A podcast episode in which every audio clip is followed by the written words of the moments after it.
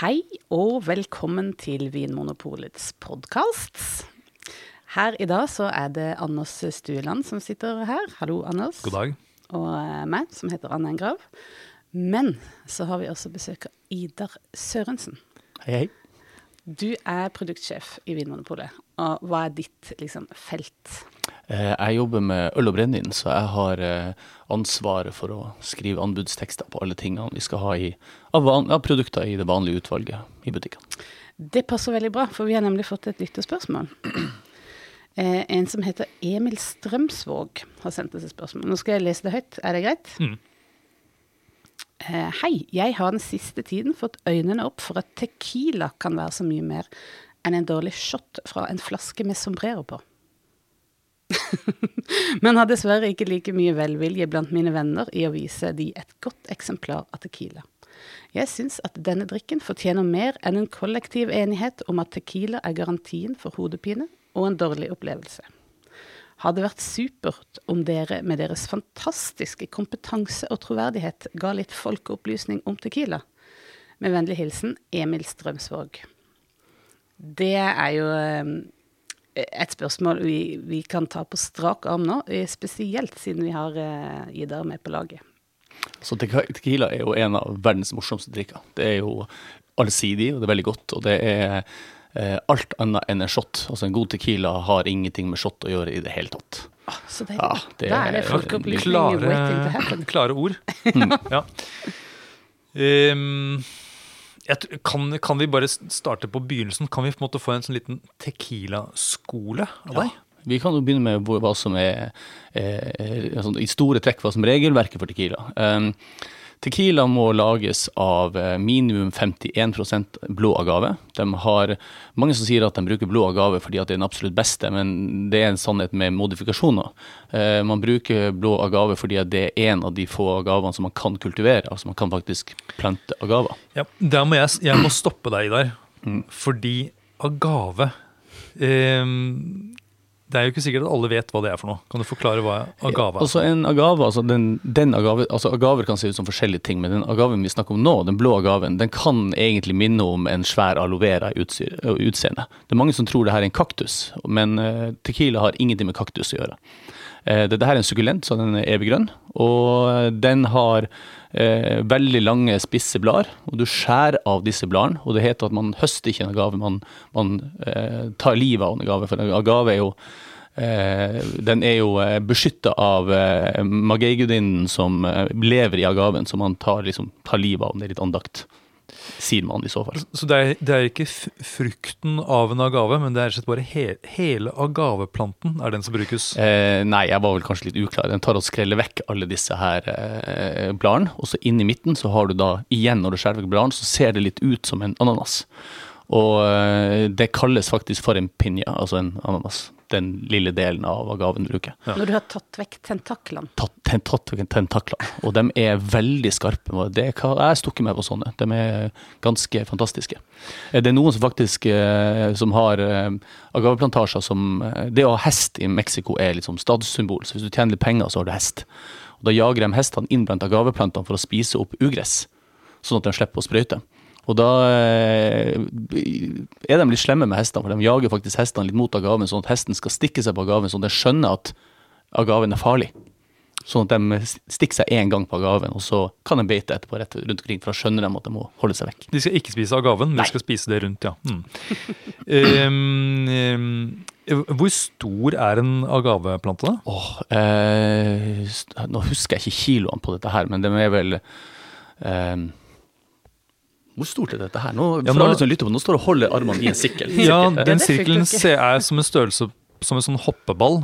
Ja, omtrent. Omtrent. Ja, ja, det- Medisinball. Medisinball. Det ja. sånn, sånn, sånn yogaball som man ruller på gulvet. Ja. Omtrent så stor. Ja, fordi, så Vi snakker altså ikke om en potteplante sånn i størrelse. Eh, Nei. det er s store planter. Det er store planter med eh, tunge. Som kan veie 20-30 kilo, kanskje? Ja, 30 kilo, da tror jeg du er heldig. Men eh, en sånn her plante bruker jo da åtte år på å vokse og bli ferdig. Så mange som sier at tequila, blank tequila er egentlig et, et, et eh, enkelt produkt, men det er jo ikke det. For råstoffet hvis du ikke bruker genmodifiserte agaver eller andre rare ting, som dessverre noen gjør. Hvis du har en vanlig dyrka agave, så tar den åtte år å lage, og det er en av grunnene til at bra tequila koster litt penger. fordi at i motsetning til konjakk, der du har druer som blir modne i løpet av noen måneder, og så lagrer du noe og lagrer det så i ti år, så må du vente i åtte år før du kan begynne å lage produkter i det hele tatt når du kommer på mescal Ja. Det tar lang tid rett og slett å dyrke fram råvaren. Ja. Ja.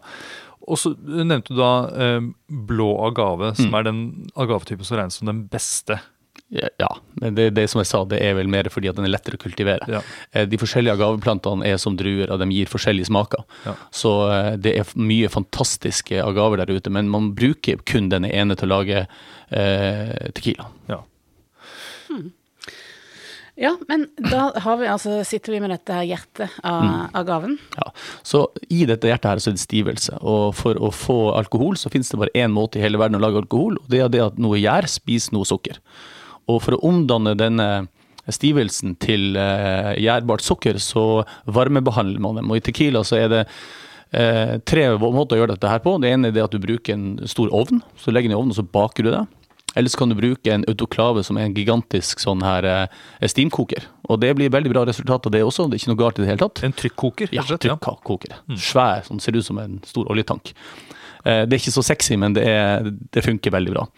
Og så har du det siste, som er en diffuser, som er der du bare spyr, setter inn agave i den ene enden, og så høytrykksspyler du agaven med eh, varmt vann, og så kommer det en grøt ut i andre enden som destillerer. Og det er den mer industrielle metoden, og da mister du dessverre en del smak også. Ok, Men det er sikkert den mest effektive måten, da. Ja, det er den mest effektive, for da får du alt sukker ut. Men eh, da mister du også eh, Vi kan komme tilbake igjen til hva som skjer egentlig som gjør det litt negativt. Flott.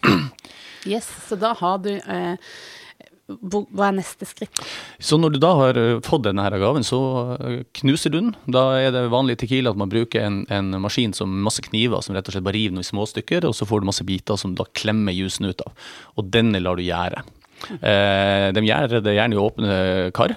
Og en gang så, så jeg besøkte et tequilahus, så var det noen som ba meg synge norsk, norske nasjonalsangen ned i et kar, for de ville ha litt norsk input i tequilaen.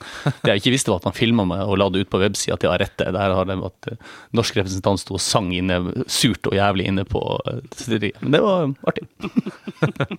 så det er et gjerde da i disse store tankene, og så tar du putter det i eh, store pottsils, og så eh, destillerer du. Altså samme metode for å destillere som litt andre apparater, men samme metode som omtrent for whisky og konjakk. Altså så det er alltid potstill? Bortsett fra disse som bruker diffusers, som eh, jeg skulle komme til nå. Det er det som er det litt negative når du bruker dette her der du bare koker gaven med høytrykksspyling. Der destillerer de det etterpå i noe som heter kolonnedestilleri, og det er ofte noe du bruker for å lage vodka, og da kan du få veldig sterk sprit, og jo sterkere sprit du får, jo mindre smak får du. Og mer. Ja, så her mangler det en del regelverk i Tequila, fordi at de absolutt billige, og jeg skal ikke si at noen av produktene vi har i Norge, men noen av de absolutt billigste tequilaene destilleres da til opptil 96% alkohol. Da smaker det bare alkohol. Tynner du ned med vann, og så tilsetter de dessverre eh, eh, altså tequila-essens etterpå for å få det smake. For det er ikke noe regelverk mot dette her. Så det, da får du et veldig billig, småkløst, bittert, ikke så veldig hyggelig produkt. Men hvis du da tar også Bruk en moden agave som du baker i en ovn og uh, gjærer, og så destillerer i en pottsild, så kan du få fantastisk godt. Og eh, Kan du, kan du forklare bare raskt hva- en pottsild er for noe? en pottsild det ser vel ut som en Det kan se ut alt fra som en løk, altså en rund med, rund med en litt sånn spiss topp på. Eller du kan få eh, Altså det er egentlig en kjele med en stor svanehals på toppen, sånn at du koker ting, og så destillerer spriten ut gjennom svanehalsen. Ja. Og da gjør du det gjerne to ganger når du bruker båtstil. Samme apparat som de bruker når de skal lage single malt whisky? Ja, det ligner. Det ligner. Ja. Det er Eh, sånn håndverksmåte å destillere på. Så hvis du har en billig tequila, så er det også det at du bruker gjerne bare den lovlige grensen som er 51% agave, og da kan du tilsette alle mulige andre sukkerarter etterpå. Så det er noen som bruker mais, det er noen som bruker sukkerrør, og når du bruker sukkerrør, så blir det faktisk, kan du få likheter med rom. Eh, mens de dyrere og bedre bruker da 100% agave, for da får du den agavesmaken. og det er en veldig fruktig, deilig. Det kan minne om eh, kokt ananas og litt sånne ting, så du får en veldig fruktig drikke ved å ha 100% agave. Ja, og jeg, Noen ganger så tenker jeg at det er nesten som lukten av en sånn god agurk, og noe nesten pepperaktig også, Ja, i pepper. eh, god tequila. Jeg har ikke tenkt på agurk, men pepper kan du ofte finne. Det, er, det er veldig mye krydder. Altså det, det er det at agaven gir så mye deilige smaker at en god tequila er en god drikke. Eh, og så kan du lagre det her, da. Da kan du lagre det i eh, mellom to måneder til et år i, på eikefat, og da heter det en reposado. Og så har du fra ett år til to år, da har du en añejo, og over eh, og over eh, tre år, altså unnskyld, fra ett år til to år er da en anjejo, og så over tre år er da ekstra anjejo. Um, Men det vanligste er vel den blanke? den blanke er den vanligste. Og, uh, de Og det er rett ut fra svanehalsen. Ja, det er gjerne så lar den det stå på tank et par måneder fordi det skal roe seg ned. Det gjør man noen ganger med bra vodka også, så det blir ikke stående på tank bare for det skal stabilisere seg før det går rett på flaske. Fordi at det, det, det Utrolig nok så kan det gjøre veldig mye for spriten at den skal stå på tank litt før den går i flasker. Men jeg vet ikke om vi har sagt det, eller om vi bare har antatt at det er selvfølgelig, men dette skjer jo i Mexico, ikke Ja, sant? Og der er det veldig varmt. Mm. Har det noe påvirkning på, på produksjonen? Det største problemet med varmen er det at du kan ikke fatlagre så lenge. Fordi at, eh, fordi at du har høy fuktighet og mye varme, så går fat, eh, får du fatsmaker mye fortere. Og hvis du får den for fort, så smaker det mer tre enn at du får deilige ting av vanilje og lær og tørka frukt som du noen gang kan få fra fat. Så eh, veldig mange som jeg snakker med som er veldig glad i tequila, de, gjerne når de skal lære seg å drikke tequila, så la, smaker man manejo og reposado fordi at det er litt fat, det er litt søtere, det er litt enklere. Men de fleste som er glad i tequila, går tilbake og drikker blank.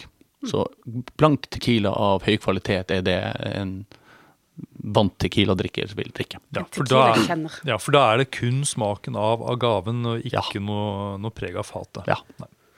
Og da er det, eh, når jeg har sett eh, slike anejoer og ekstra anejo og sånt nå, så er de brune på fargen, og det henger da sammen med, Fat, ja. med fatlagringen. Det må jo ikke forveksles med den som blir kalt for golden. Fordi at golden er som regel ikke fatlagra i hele tatt. Man tilsetter sukkerkulør fordi den skal se brun ut og derfor virke mer eksklusiv. Ja, akkurat som tequila, der det står merket med gold eller golden, Ja, det, den brunfargen som er der, det er gjerne bare farge. det er gjerne bare farge. Det er bare visuelt. Akkurat. Eh, og er det, en, er det en måte å finne ut om tequilaen er laget kun på agave? Eh, alle produsenter som har 100 agave i den, skriver det på etiketten sin. Eh, fordi at det er et salgsfremmende for dem som kan noe om tequila, vil gjerne ha 100% agave. Det er en liten jungel som i alle andre drikkevarer, er at 100 agave betyr ikke at det er en fantastisk tequila, fordi at du må fremdeles være en bra produsent. Men eh, det er de fleste som har 100% gave på, på eh, tequilaen sin, er gode produkter. ja, det er en god start, i hvert fall. Ja. Og når du kjenner, bare for å ta det helt som en slags eh, Kall det en oppsummering. Når du kjenner smaken av en god tequila, altså en høykvalitets håndverkstequila, hva skal det være? Eh, mye litt sånn kandiserte, eh, eller mer ikke kandisert, men varmebehandla frukt. Eh, mm. pepper. Du sa agurk, det har jeg ikke tenkt på sjøl, men det skal jeg lete etter neste gang. Ja, det minner litt Ja, ja, som en ja. sukkulent. Ja. så så eh, det, det er Du en skal grilla ananas. Ja. Mm. Mm. Hvis dere ikke har prøvd deg ananas på grill, det er, og da må man ikke bruke sånn hermetisk, men det, da får du ofte litt av den samme smaken og lukta. Mm, Akkurat. Ja, spennende. Mm. Eh, og så må det da være Tequila må være fra Mexico. Ja, det må er- være det fra Finnes, Det fins ikke et tysk tequila. Nei. Eh, jeg husker ikke helt årstallet på dette her, men da endelig EU godtok på tidlig 90-tallet eh, at eh, altså de, de reglene for tequila, så eh, før det så var veldig mye av tequilaen solgt i Europa, ikke tequila i det hele tatt.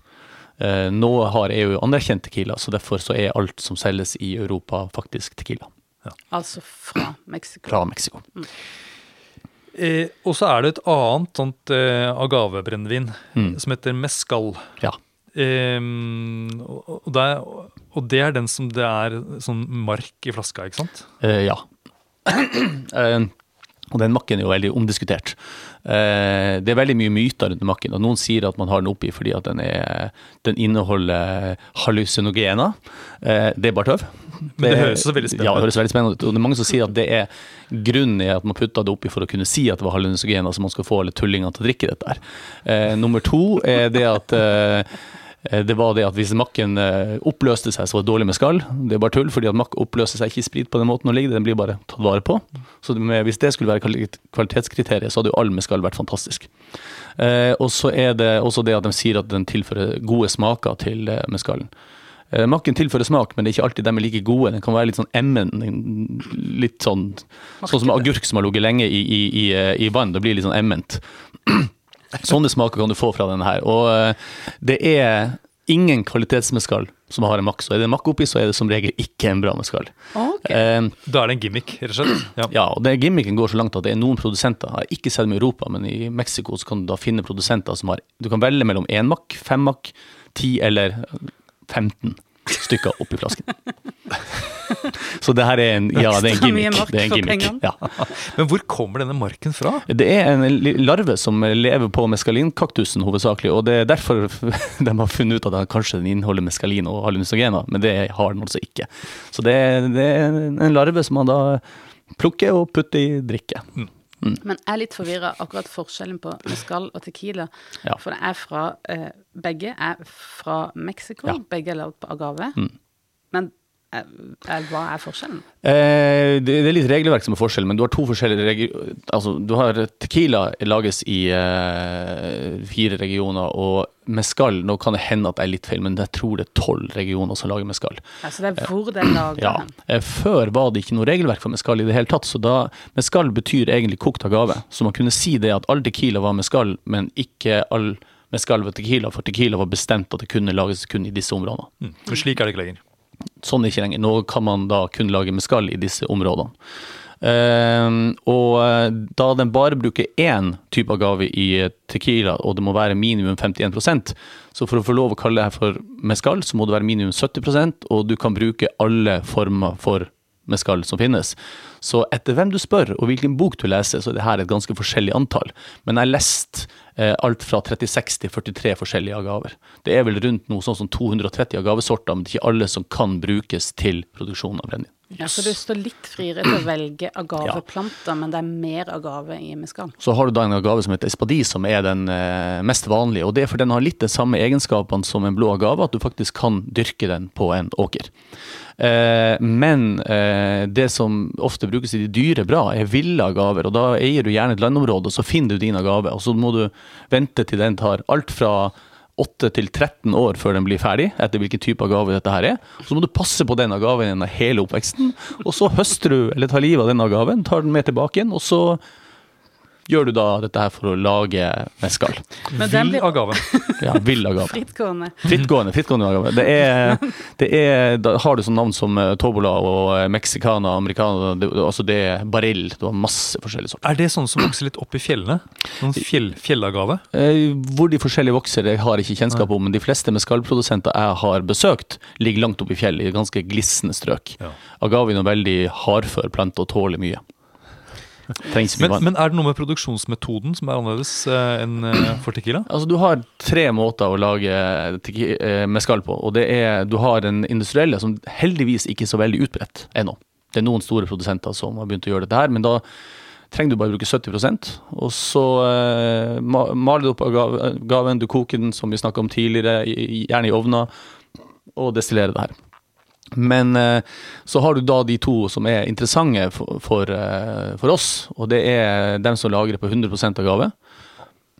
Og innenfor det så har du da eh, to sjangre som er ikke egentlig regelverk, men slåss for at dette skal bli et regelverk i Mexico. Men dette her er mer selvpålagte regler. Og den første regelen er tradisjonal. Da graver du stor hull i bakken, som du da lager en liten steinhaug i midten, og så oppå dette lager du et stort bål. Og så eh, Når bålet er brent ned, så børster du vekk løren, og så legger du agaven på disse steinene, sånn at eh, den blir kokt av med varme fra steinene. Så legger du presenning over, og så dekker du med jord, så det ligger og bake under bakken. Det er litt sånn kokegrop. Ja, kokerop. Sånn som hvis du koker kjøtt i, på samme måte. Og eh, de agavene som ligger nærmest inntil steinene, de svir. Altså de brenner. Blir brent. Og det skaper røyk, som lager røyksmak som går ut i alle gavene. Så får det røyksmak som de fleste med skallet har, har visst preg av røyk på det. Så den største forskjellen i smak på tequila med er er røykpreget. Ja, én av dem, men det er også det at den bruker gjerne mye mindre eh, destillasjonsapparater. Eh, all eh, agaven for en tradisjonal er jo da knust med stein. Altså du har en sånn steinhjul som knuser agaven før du presser ut, og du eh, gjærer det igjen opp til åpne fat. Eh, når du destillerer det her, så destillerer du noen gang med fiber fra agaven i pottstillen, som gjør at du får enda mer smak. Altså det blir et litt røffere men også enda fruktigere og enda mer interessant produkt for min del. Jeg syns jo mescalcocktails er noe av det morsomste i hele verden. Jeg er veldig glad i mescal. Jeg må også si at det er et spennende produkt nettopp på den der røyksmaken. Mm. Så jeg tenker de- som liker liksom røykpreget whisky f.eks., Mm. eh, Ja, det er- kan nei, kanskje nei, sette absolutt. pris på en mescal. Og så ja, er det mm, Og så har du da den, den eh, mest hardbarka gjengen av mescalprodusenter gjør noe den kaller for ancestrial. Og da gjør de det samme med steingropen og dette her, men da tar de og destillerer i tillegg i, i små kopperkrukker. Så, og disse tingene her blir utrolig dyrt. Jeg har ikke sett noen tilgjengelig i Norge foreløpig, men da må snakke om at hvis du kommer til Norge, så er jo ikke under 1500 kroner for en skall. Men er det, også har jeg hørt at det er noen som bruker leirapparater òg, stemmer det? Ja, det er leirkrukker. Det er leirkrukker, ja. Leirkrukker. Ja. Så de har rett og slett en krukke som de setter flamme under, og så destillerer den opp igjen av krukke. Leirkrukker, altså. Det er jo eh, Det er spennende. Da tenker vi, ja, da er det ordentlig bondesprit. Ja. Men igjen, Men altså er det det, de samme lagrings... eh, Er det samme ja, det er lagring, fattlagring på mescal er ikke veldig utbredt. De har begynt nå de siste årene. Eh, Jeg har vært og besøkt noen som eh, driver og eksperimenterer, og de er ikke så nøye med hvilken fat de bruker alle sammen, så jeg har sett dem ligge på Sånn som eksempel man sier single malt har bare ligget på ex-bourbon-fat, gamle bourbon-fat. Eh, mens jeg har vært på lager i, i Oaxaca der det lå på Grand Marnier, altså likørfat og romfat og bourbonfat. Og, altså den, eikefat er eikefat. Det gjør til at du kan få litt ujevnt resultat.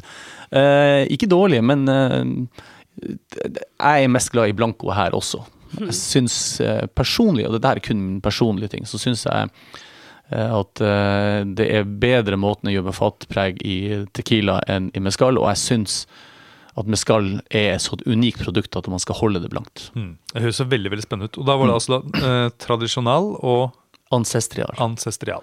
Akkurat. Det er noen som påstår nemlig at de har funnet ut at uh, urbefolkninga i eh, Mexico faktisk drev med destillering, men det er, det er gamle eh, sånne eh, leirtavler og sånt de har funnet som sier dette her, men eh, jeg har skjønt at det her kan tolkes litt som man vil, så det er egentlig ikke noe bevis. og Det er derfor de kaller det for ancestrial, for de mener at deres eh, eh,